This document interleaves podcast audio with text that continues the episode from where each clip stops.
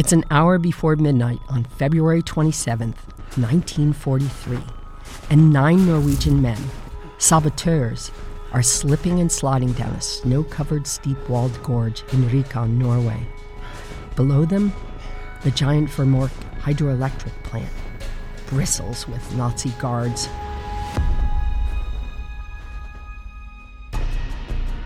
When it was built, the Vemork power plant was the largest in the world.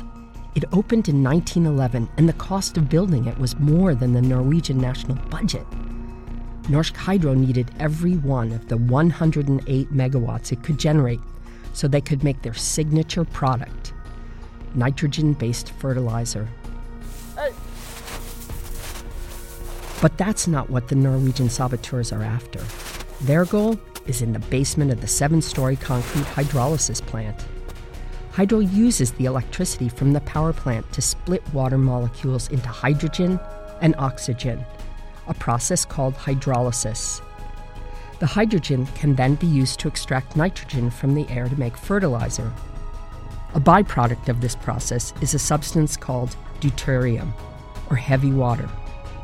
Hydro started to collect heavy water in 1935, shortly after it was discovered, for scientific use a chemist and professor at the university in Trondheim, Leif Tronstad, designed the Vemork system. But by this point, the Allies feared the Germans could use the heavy water from occupied Norway to aid their efforts to build an atomic bomb. It was enough of a worry that the Allies had already tried and failed in an effort that killed 41 British soldiers to blow up the heavy water plant Just after midnight, the saboteurs cut the barbed wire and the metal fencing around the plant and enter the basement. A Norwegian worker inside hears the men discussing their choice of fuses to blow up the heavy water system. Realizing what is afoot, he politely asks the saboteurs to allow him to get his glasses. He's worried he won't be able to replace them given the scarcity of goods in wartime Norway. But the glasses are nowhere to be found. Minutes tick by as the saboteurs search for the glasses. Every second risks having a German guard discovering the men with their explosives. Finally, the glasses are located. The saboteurs send the worker off to safety and light their fuses. 30 second fuses as it happens, and steal away.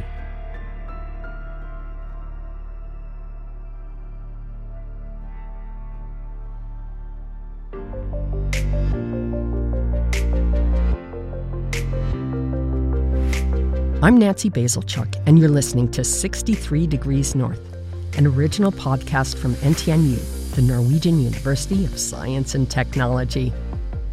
Today, I'm going to tell you the story of the scientists and engineers who turned Norway's wild waters into what they called white coal, hydropower.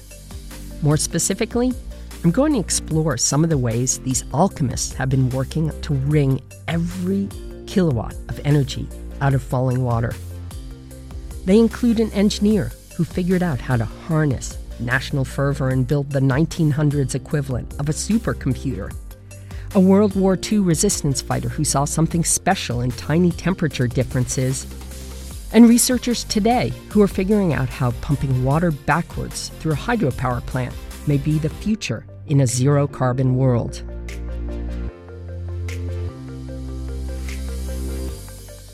First, a little background.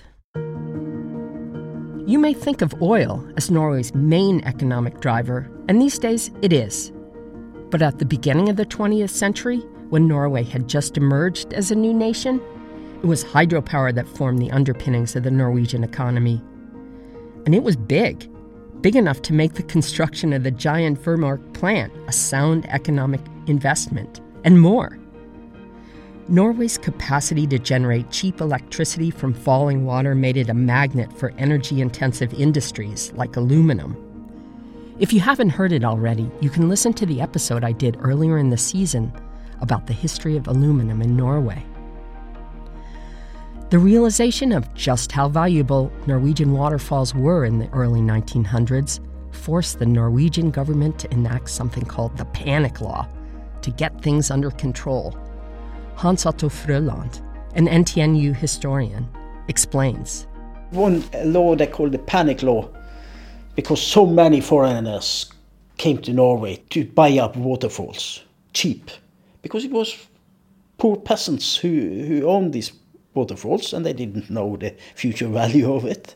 Fertilizer, Norsk Hydro's main product at this time, was a perfect thing for Norway to make and export because it required enormous amounts of cheap energy to produce. So it was a product that could be manufactured with the natural resources, waterfalls, that Norway had to offer, as former Hydro CEO Svein Richard Brandtzæg explains. In 1905, Hydro was established as a corporation with the fertilizer main business. Uh, so when Hydro built out the Rjukan plant just a few years after the company was established, the company financed uh, establishment in Rjukan with money from Sweden and, and France. Yes, that Rjukan, the same place the saboteurs attacked during the Nazi occupation. It was the biggest hydropower station in the world at that time and spent about 1.5 uh, times the Norwegian national budget. One event that happened to help drive Norway's hydropower adventure happened right here in Trondheim, right in my backyard. Right now we are in, in the water power lab, which is an old building. It was built in 1970. But internal uh, parts of the lab is quite new and up to date. Uh, I would say it's state of the art, and in my opinion, the best one in the world, of course. My name is Ole Gunnar Dahlhaug. I work as a professor at the Department of uh, Energy and Process Engineering. Ole Gunnar is pretty modest. He's also head of the Water Power Lab. As a matter of record, the lab was built not that long after NTNU's predecessor, the Norwegian Institute of Technology, opened its doors in 1910.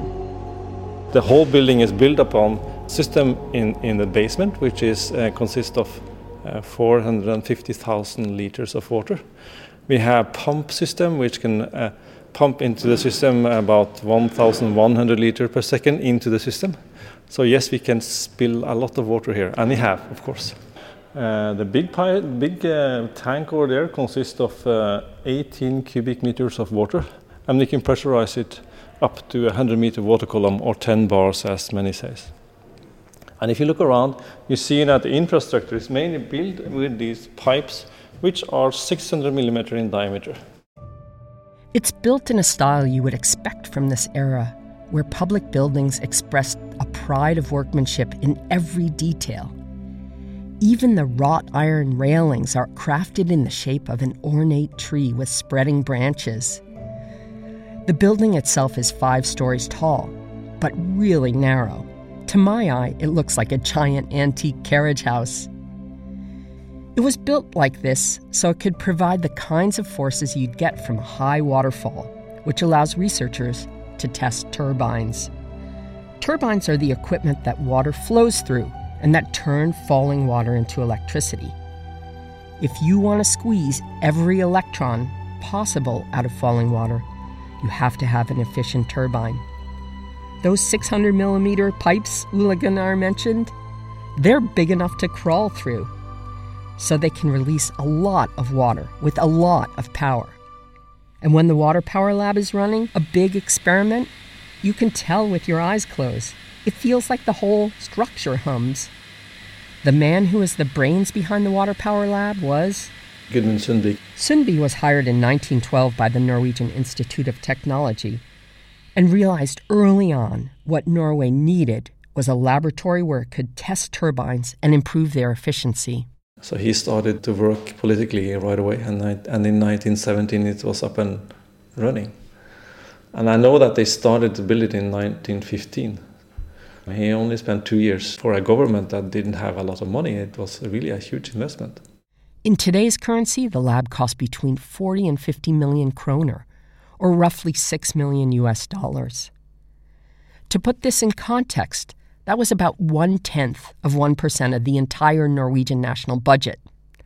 That may not sound like much, until you realize that the American government spent 1% of its national budget on the Manhattan Project to develop the atomic bomb.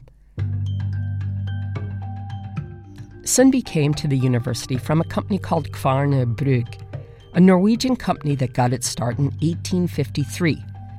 They started making turbines and other equipment for hydropower production as early as 1880, and by 1900, turbines were the thing. So Sundby had practical experience, but he also had a secret weapon.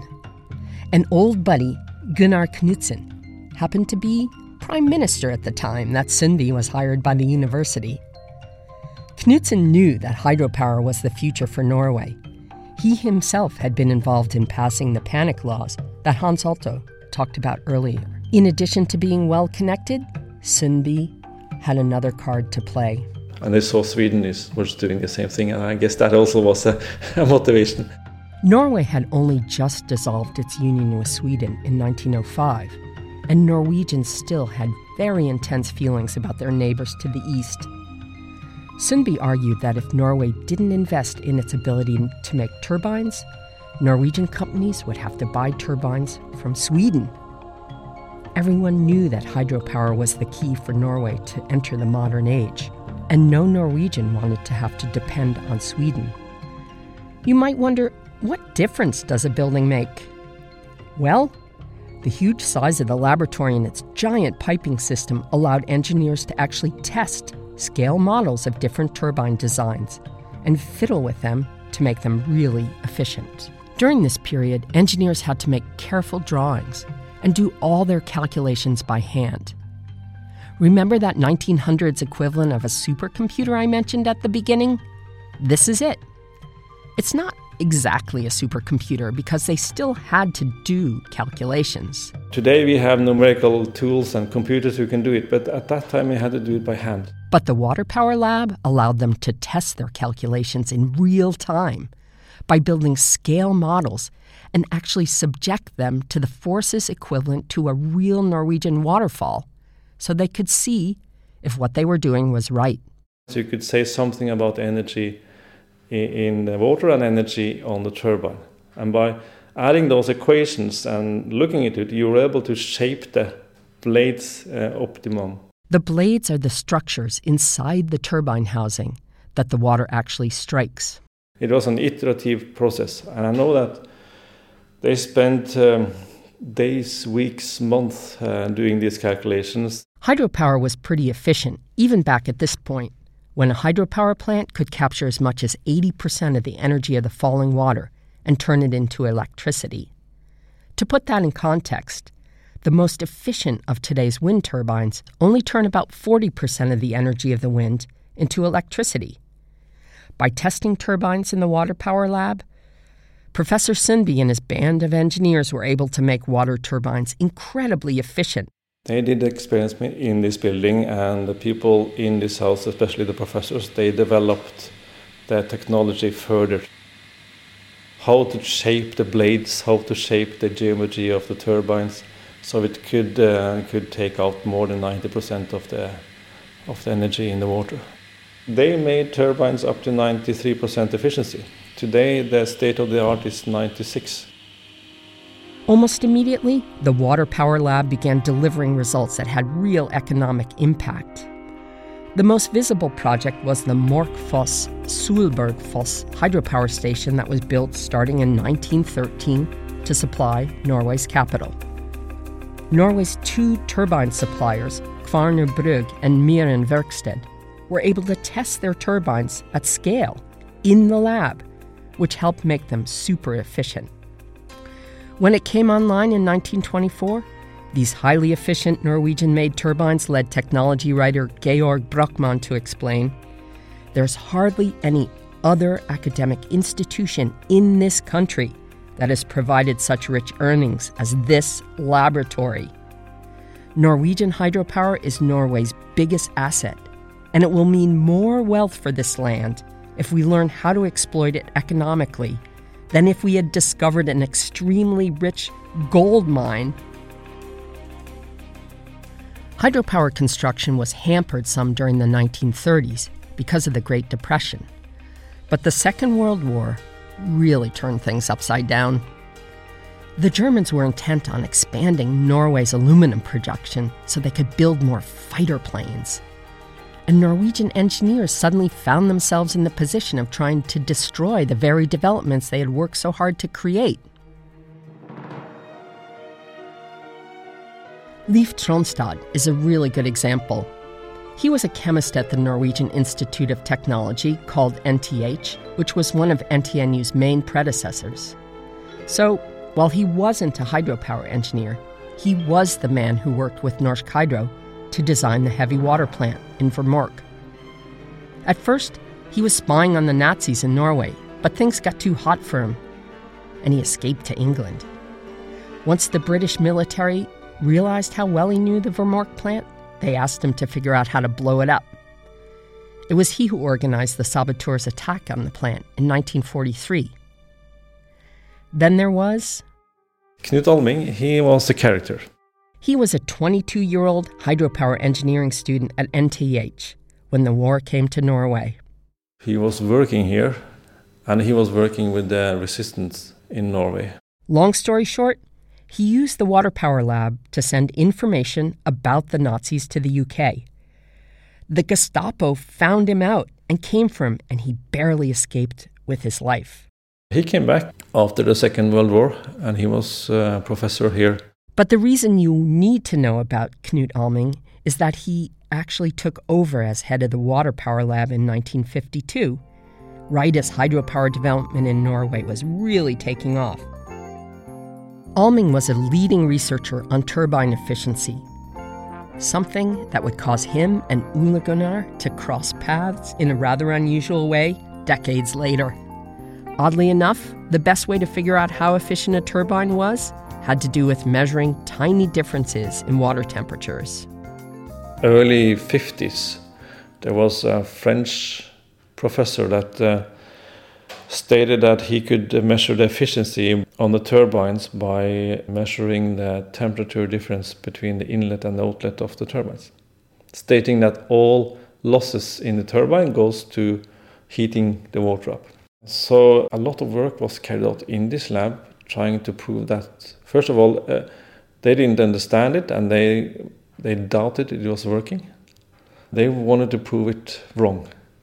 Actually what happens was to prove it right. And since the 50s, they, that, that system or that way of doing the efficiency measurements on, on the power plant has been developed further here at, the, at this lab.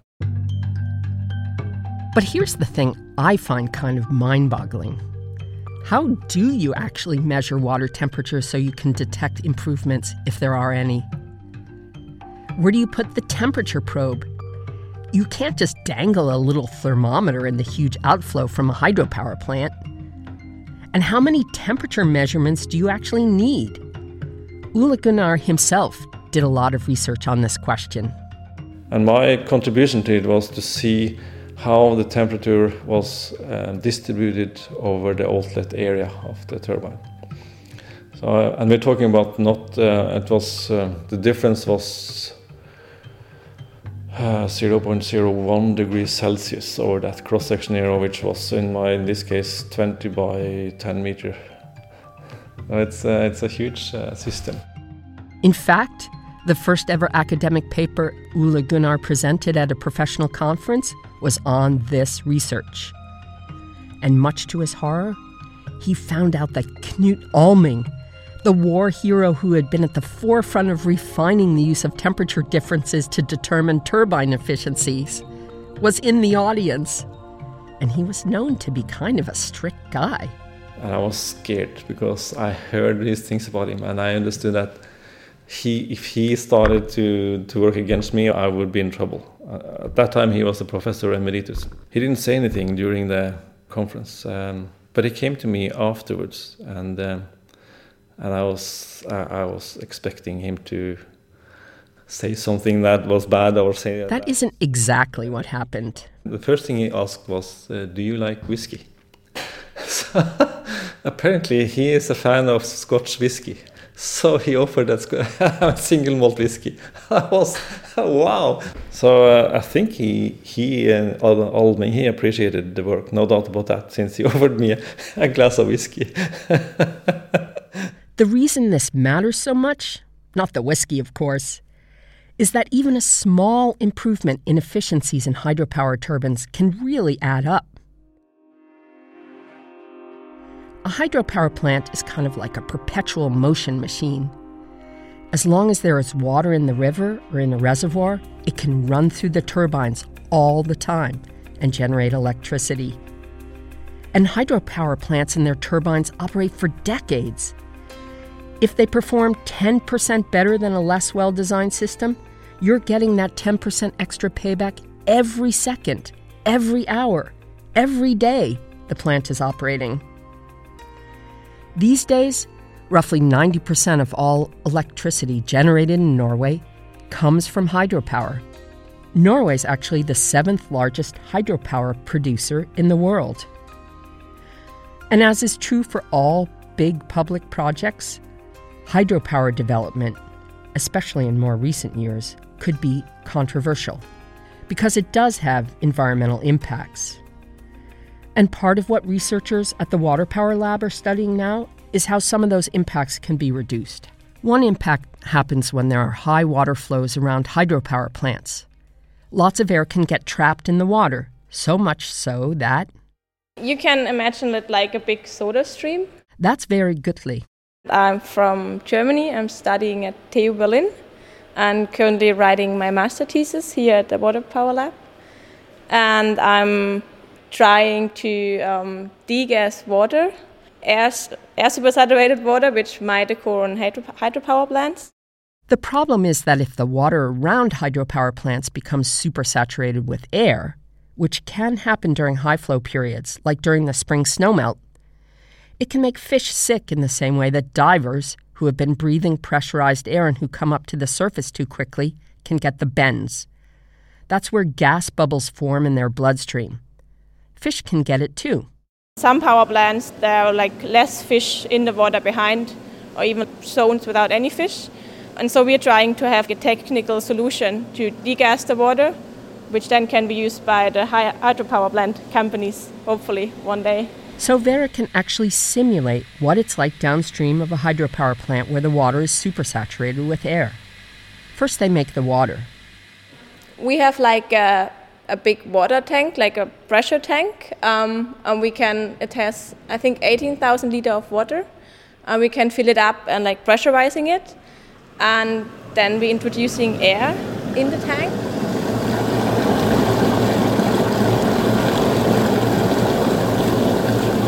That's your giant soda stream machine, but with air instead of CO2. We have connected a channel.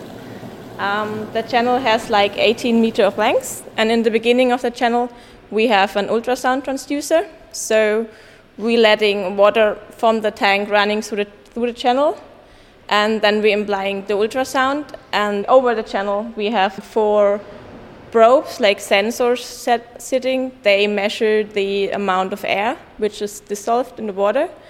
And then we are testing if we can reduce the amount of air that's in the channel. Then there's the question of what Norwegian hydropower can offer, as more and more of our electricity comes from renewable sources like wind and solar power. The challenge is that the wind doesn't blow all the time. So you need to have some kind of backing when it doesn't blow. For example, uh, we just built uh, the Europe's biggest wind farm in, on Fosen, just uh, west of Trondheim, 1000 megawatt. In that area, it, it, blows quite a lot, but sometimes it doesn't blow at all, and sometimes it is a storm. Uh, so the turbine stops when it when the storm is coming, and of course they stop when it not it's not blowing. So let's say that a storm is coming and uh, and the turbines has to shut down. 1000 megawatt is shutting down in minutes. How do you back that up? So let's say that uh, Hydro Aluminium uh, is customer of the energy from that area, and they are. Uh, they are melting aluminium. They can't afford to stop the melter. That that would be disaster. disaster. Well, Can't you just fire up a hydropower plant? Ole Gunnar says no. Let's say that we have to start it up 1000 megawatt in three minutes or let's say 15 minutes. How do you do that? They're, they're not designed for that. Um, let's say that you, you want to have it in seconds. Yeah? And that's still, and our system is not, not designed for that. So that flexibility is possible in hydropower plant, it, but it, it is not designed for it. So we have to develop that, that technology further. So that's what's going on today. Another related idea is using Norway's hydropower system as a kind of giant battery. Many of Norway's hydropower plants have an upper reservoir and a lower reservoir with a combined water storage capacity equal to roughly 60% of all the water that flows into these reservoirs. There's a historical reason for this. Much of Norway's precipitation comes in the form of snow. So the Norwegian government made sure there would be enough reservoir capacity to generate electricity in the winter, when the demand is the highest. Another feature of the Norwegian system is that we have a lot of dams. It, we have more than 1,000 dams. And in that dam, we have a lot of water. And that water, uh, when it is in the dam, it's, it's a battery. And that battery is 87 terawatt hours. That is uh, approximately 60 to 70 percent of the Norwegian uh, uh, annual utilization of, of energy. So that's quite a big battery. But let's say we utilize that battery different. When the wind stops to blow or the storm is coming, we could utilize that water uh, in a shorter time when we need it. And then we stop the hydropower plants when we have enough wind. In days when there is more renewable energy being produced than can be consumed, that energy can be stored by using it to pump water from a lower reservoir to the upper reservoir. Then, when you need that electricity back, you just run the water you stored in the upper reservoir through the hydropower plant and generate electricity with it. But, as Ole Gunnar said, the turbines aren't designed for this kind of off again, on again stress. Enter my name is Johannes Kverno. I'm a PhD candidate here at the Water Power Laboratory, and my work is on uh, flexible operation and design of Francis turbines. Francis turbines are a kind of turbine specifically designed to handle water flows with lots of energy and pressure, which are exactly the kinds of conditions that Norwegian hydroelectric plants operate with. With more uh, energy sources like solar and wind, it will require the rest of the energy producing system to increase their flexible operation scheme to compensate for cloudy days or more wind. Uh, and since hydropower is fast acting power source, it's very useful to quickly adjust according to the both the demand and the supply. But of course, most of the um, turbines in Norway, at least, were designed for more stable operation at close to their design point. So, uh, with more flexible operation, there will be more fatigue, uh, which will reduce the lifetime of the runners and increase the cost of operating the plants, basically. Here's where being able to conduct experiments at scale in the water power lab really helps. By studying how turbines can be designed to handle these new conditions, they can make the system that much more efficient. The hope is that we can use this data to actually say something about what the strain is in the blade and how the like off design operating conditions will affect the lifetime. So you're part of the green revolution. Yeah, I kind of feel like I am. hopefully we'll come up with something uh, that's actually going to be useful for society and Norway and Europe.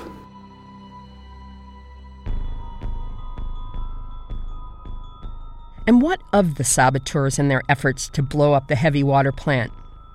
Well, they succeeded, and all of the saboteurs were able to get away safely. Five of them skied more than 300 kilometers east to the safety of Sweden while the rest remained to continue their work against the Nazis. The Germans did get the heavy water plant up and running again within a matter of months. But Allied bombers destroyed the facility again, and the Germans abandoned the plant in 1944. We now know that the Germans never did produce a bomb, but that was not known at the time.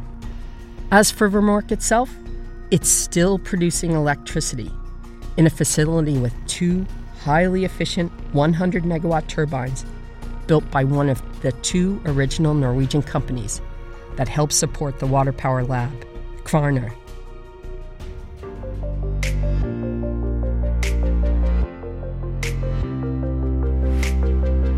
I'm Nancy Bazilchuk, and you've been listening to 63 Degrees North, an original podcast from the Norwegian University of Science and Technology.